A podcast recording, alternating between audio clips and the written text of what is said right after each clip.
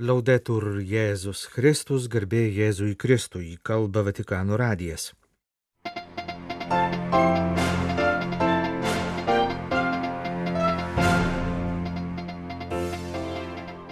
Popiežiaus apaštališkasis vizitas Vengrijoje.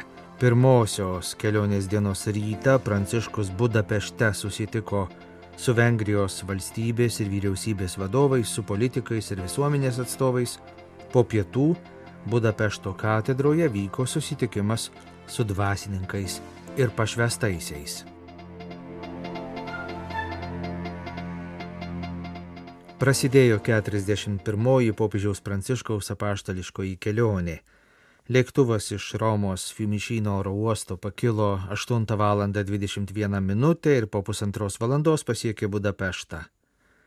Prieš išvykdamas jau trečiadienį balandžio 26-ąją Popiežius Pranciškus buvo nuvykęs į Romos švenčiausiosios mergelės Marijos didžiąją baziliką pasimelsti prie mergelės Marijos salius populį Romanį ikonos ir patikėti Dievo motinai šią savo kelionę. Kaip įprasta prieš pat keliones penktadienio rytą, prieš išvykdamas į oro uostą, Pranciškus Vatikano Šventojios Mortos namuose susitiko su keletu popiežiaus išmaldininko globojamų vargstančių žmonių Šį kartą išlydėti popiežiaus į kelionę atėjo keletas benamių, kurie glaudžiasi Šventojo Petro aikštės prieigose ir kuriais rūpinasi popiežiaus išmaldininko institucija. Į Budapeštą skrendančiame lėktuve popiežius pasveikino kartu keliavusius žurnalistus, kurių šį kartą buvo 73, tarp jų 8 vengrai. Skrydžio atgal į Romą metu sekmadienio popietę Lėktuve įvyks įprastinė popiežiaus spaudos konferencija. Tai bus proga pačiam Pranciškui aptarti savo vizitą Vengrijoje. Šiomis progomis popiežius paprastai labai atvirai komentuoja ir kitas bažnyčios aktualijas.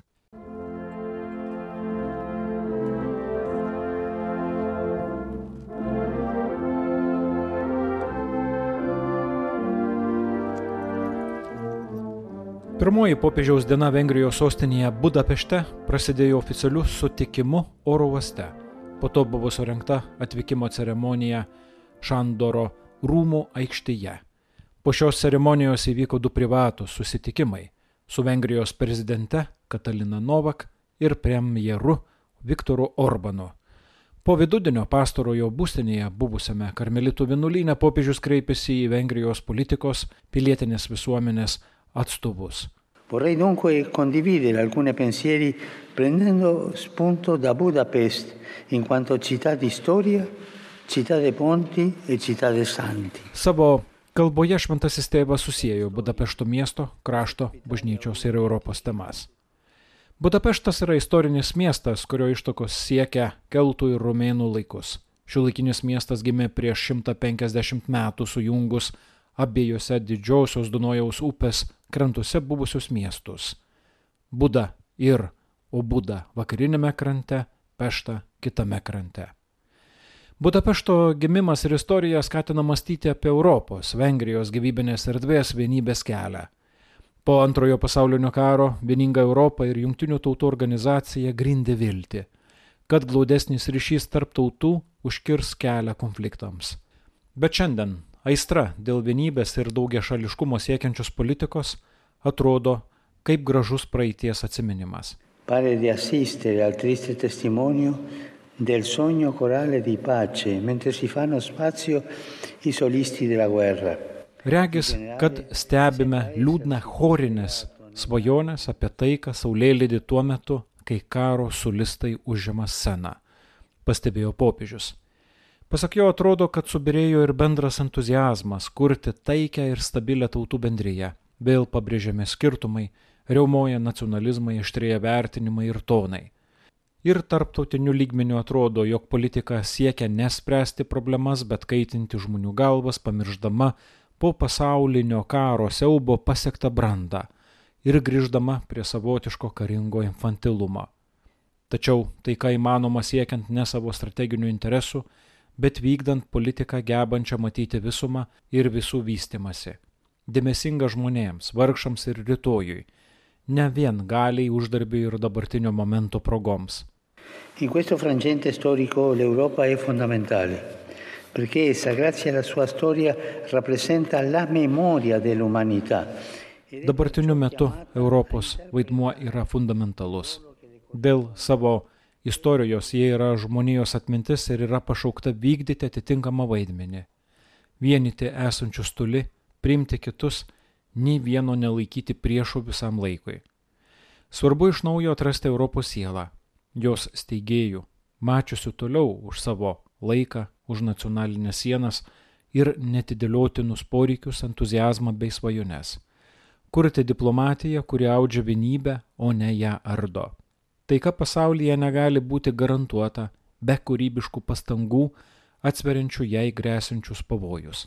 Citavo popiežius Robertą Šumaną, vieną iš Europos tėvų ir paklausė, kur kūrybingos taikos pastangos dabartinėje pavojingoje istorijos fazėje, taip pat galvojant apie iškankintą Ukrainą.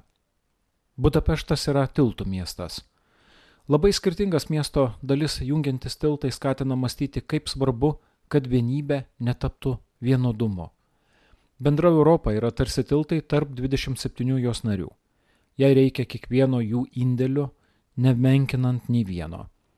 Reikia harmoningos ir integruotos, bet nesuvienodintos visumos, kurioje, kaip pažymė Europos kuriejai ir Vengrijos konstitucija, yra vietos asmeniui ir jo laisvei. Penso dunque a un'Europa che non sia ostaggio delle parti diventando preda dei populismi autoreferenziali, ma che nemmeno si trasformi in una realtà fluida, se non gassosa, in una sorta di sovranazionalismo astratto. Mastau apie tokią Europą, kuri nėra skirtingų pusių įkaitė ir netampa savitikslio populizmo auka, bet nėra ir skista, gal net dujinė tikrovė, savotiškas abstraktus virš nacionalizmas, nepaisantis tautų gyvenimo, sakė popiežius Pranciškus. Anot jo skirtingumo šalinimas yra ideologinių kolonizacijų kelias, kaip ir vadinamosios gender kultūros atveju Šios ideologijos gyvenimo tikroviai prieš pastato susiaurintas laisvės savokas ir, pavyzdžiui, didžiuojasi neprasminga teise į abortą, kuris visada yra drama. Ir gražu kurti į asmenį ir tautas orientuotą Europą su veiksminga gimstamumo ir šeimos politika, kaip Vengrijoje. Tokioje Europoje tautos sudarytų vieną šeimą, gerbiančią kiekvieną augimą ir išskirtinumą. Pasak popiežiaus, Vengrija, kurioje skirtingos krikščioniškos bendruomenės sugyvena be priešiškumo, gali tam padėti. Kalbėdamas apie Budapeštą, šventųjų miestą popiežius minėjo šventąjį Steponą, pirmąjį Vengrijos karalių, jo žmoną, palaimintąją Gizelę ir jų sūnų šventąjį Ameriką. Vengrijos istorija susijusi su šventumo istorija. Šventasis Stepanas savo sūnų mokė būti maloniu ne vien savo šeimai ar galingiesiems, bet visiems krašto gyventojams ir svetimšaliams. Buvo įsitikinęs, jog meilė yra aukščiausia laimė. Perspėjo nekovoti prieš tiesą ir būti įrumiu. Atsiminti, kad šalis, kurioje kalbama tik viena kalba ir laikomasi vieno papročio, kuri nepriima atvykusių iš kitur, yra silpna. Tai pasak popiežiaus iš tiesų krikščioniški pamokymai, nes krikščioniškos vertybės negali būti liūdėjamos kitumu ir uždarumu. Kristaus tiesa yra romi ir maloni. È un tema quello dell'accoglienza che desta tanti dibattiti ai nostri giorni ed è sicuramente complesso. Svetimšalių prieimimas, vėliau pridūrė Pranciškus, sunki tema - migracija bendrų sprendimų reikalaujantis epochinis iššūkis. Nesukursime ateities paprasčiausiai kitus atstumdami. Popiežius pasidžiaugė Vengrijos pagalba Sirijos ir Libano krikščionėms, gerų valstybės ir bažnyčios bendradarbiavimo, pridurdamas, jog būtina jų nepainioti. Krikščionis visų pirma laikosi laisvų ir išlaisvinančių Jėzaus pasirinkimo, nepasiduoda galios logikoms. Krikščionis puoselėja evangelinį humanizmą, kuris pripažįsta, jog esame tėvo vaikai ir mylime kitą kaip brolį. O iš kitos pusės reikia sveiko pasaulietiškumo, kuris nevirsta bet kokiam sakralumui alergišku o galiausiai ant pelno altorių aukojančių laicizmo. Paminėjęs kitus Vengrijos šventuosius. Ma vorrei almeno menzionare San Ladislao e Santa Margherita e fare riferimento a certe maestose figure del secolo scorso, come il cardinale Joseph Mincenti. Vladislavą, Margaritą, kelias didingas praėjusio amžiaus figūras ir kankinius, kaip kad kardinolas Jožefas Mincenti. Popiežius patikėjo jų užtarimui Vengrijos ateitį, perdavė savo maldą visiems vengrams, taip pat gyvenantiems svetur ir atsisveikino palaiminimo. Dieve, laimink vengrus. Isten ad me ad magyart.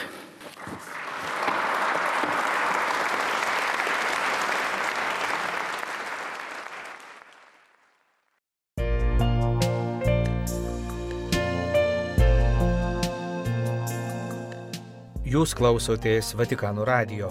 Tęsėme žinių laidą lietuvių kalba.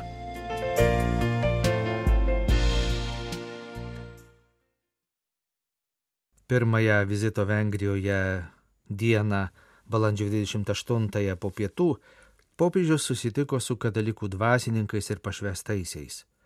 Šiuo metu Vengrijoje yra 37 vyskupai, beveik 2000 kunigų, apie 160 nuolatinių diakonų, 270 seminaristų, seserų vienuolių yra apie 600, brolių vienuolių apie 60. Susitikimas su jų atstovais vyko Budapešto katedroje dedikuotoje vengrų tautos krikštytojui karaliui Šventajam Steponui. Vengrijos katalikai trokšta šiame besikeičiančiame pasaulyje liudyti, kad Kristus yra mūsų visų ateitis, sakė Vengrijos vyskupų konferencijos pirmininkas vyskupas Andrešas Verešas Budapešto katedroje sveikindamas popiežių. Interpretare i cambiamenti e le trasformazioni della nostra epoca cercando di affrontare al meglio le sfide pastorali. Iš tiesų, atsakė Pranciškus, suprasti mūsų laikais vykstančius pokyčius ir permainas, stengiantis jas atsiliepti kuo geriausiais pastoraciniais sprendimais, Tai labai rimtas iššūkis, su kuriuo šiandien susiduria bažnyčia. Tačiau tai įmanoma, jei žvelgiame į Kristų, jei jis yra mūsų ateitis, sakė Pranciškus. Jei neišleidžiame iš akių lemtingos Velykų slėpinio svarbos, tuomet mums nebaisios nei audros, kurios kartais užklumpa pasaulį, nei spartus pokyčiai visuomenėje, nei netgi vakarų pasaulyje akivaizdžiai matoma tikėjimo krizė. Prisikėlęs Kristus yra istorijos centras ir ateitis. La nostra vita, per quanto segnata dalla fragilità, è, sa- è saldamente posta nelle sue mani.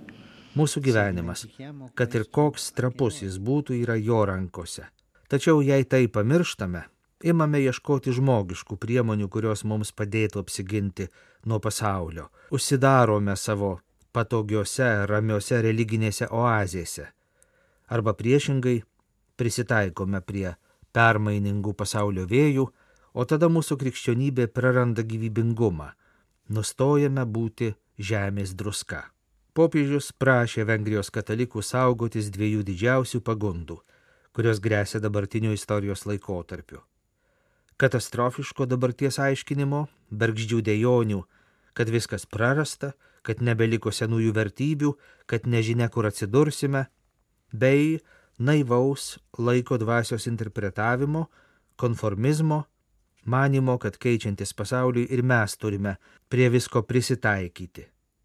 Neturime nei dėjuoti dėl pralaimėjimo, nei naiviai viską priimti, bet turime į pasaulį žiūrėti naujų žvilgsnių, kurį mums suteikia Evangelija. Il Vangelo ci dona occhi, occhi nuovi, ci dona la grazia del discernimento per entrare nel nostro tempo con un atteggiamento accogliente, ma anche con uno spirito di profezia. Mums duota evangelinio išvalgumo malonė leidžia į pasaulį žiūrėti su geranorišku atvirumu. Būti pranašiškai atviriems pasaulio atžvilgiu, tai pasak popiežiaus, stengtis atpažinti Dievo ženklus mūsų supančio pasaulio tikrovėje net ir tuo met, kai jie yra praradusi krikščioniškus bruožus, kai susidurėme su iššūkiais ar abejonėmis. Kartu tai reiškia pasiryžimą viską interpretuoti Evangelijos šviesoje, nepasiduoti su pasaulėjimui, skelbti ir liudyti krikščionišką pranašišką viziją. Ir Vengrijoje, kur tikėjimo tradicija yra tvirtai įsišaknyjusi, matome plintantį sekularizmą, kuris dažnai kelia grėsmę šeimos vientisumui ir grožiui, jaunimą vilioja materializmo ir hedonizmo paženklinti gyvenimo modeliai, bendruomenė polarizuojasi ir skaldosi, įsitraukusi į diskusijas dėl įvairių naujų iššūkių. Neretai krikščionims kyla pagunda užsisklęsti, užsidaryti savyje ir užimti kovotojo poziciją. ma tali realtà possono rappresentare delle opportunità per noi cristiani perché stimolano la fede. Tačiau iš tiesų, sakė Pranciškus, tokia tikrovė krikščionims suteikia naujų galimybių, netgi skatina tikėjimą, kviečia gilintis, klausti savęs, kaip šie iššūkiai gali būti įtraukti į dialogą su Evangelija, skatina ieškoti naujų būdų, priemonių ir naujo žodyno. Pranciškus priminė savo pirmtako Benedikto XVI Freiburge 2011 metais pasakytą kalbą. Jis teigė, kad praeitie išgyventos sekularizacijos epochos iš tiesų nepakenkė, bet padėjo bažnyčiai, prisidėjo prie jos apsivalymo ir vidinės reformos. Bažnyčios Vengrijoje vadovams ir silovadininkams sakytoje kalboje popiežius taip pat pabrėžė tikinčiųjų vienybės svarbą. Jei esame nutolę vieni nuo kitų, ar susiskaldę, jei sustingstame savo pozicijose ir grupėse, neduodame vaisių. Svarbiausias dalykas - sielovados darbe turi būti bendrystės liudijimas, nes Dievas yra bendrystė ir Jis yra ten, kur yra broliška meilė. Popiežius atskirai kreipėsi į kunigus ir prašė visada atsiminti, kad jie, ypač vykdydami susitaikinimo sakramento tarnystę, būtų tėviškai švelnus ir gailestingi. Un'accoglienza che è profezia, cioè a trasmettere la consolazione del Signore nelle situazioni di dolore. Būti pranašiškai atviriems, tęsė Pranciškus, taip pat reiškia perteikti viešpaties paguodą skausmo ir skurdo situacijose. Stando vicini ai cristiani perseguitati, ai migranti che cercano ospitalità, būti arti persekiojamų krikščionių, svetingumo ieškančių migrantų, kitų tautybių žmonių, visų, kuriems reikia pagalbos. Popiežius pastebėjo, kad Vengrija turi puikių šventumo pavyzdžių. Ir paminėjo Vengrijoje gimusį šventąjį Martyną bei jo garsų į gestą, kai jis pasidalijo savo apseustų su vargstančiu žmogumi. Tas jo gestas yra tapęs gailestingumo simboliu gailestingumo ir artumo, kuriuos liudyti yra pašaukta Vengrijos bažnyčia. Kristus yra mūsų ateitis, nes jis vadovauja istorijai. Vengrijoje gyvenę tikėjimo išpažinėjai, tuo buvo tvirtai įsitikinę, sakė Pranciškus, paminėdamas naujųjų laikų persekiojimų istoriją ir ypač drąsų į kardinolą Jožefą Mincentį. Būkite svetingi, būkite Evangelijos pranašystės liudytojai, bet pirmiausia būkite maldos moterys ir vyrai, nes nuo to priklauso istorija ir ateitis, sakė Pranciškus.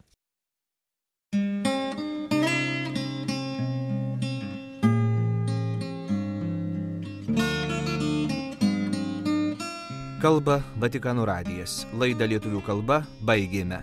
Garbėjai Jėzui Kristui, laudetur Jėzus Kristus.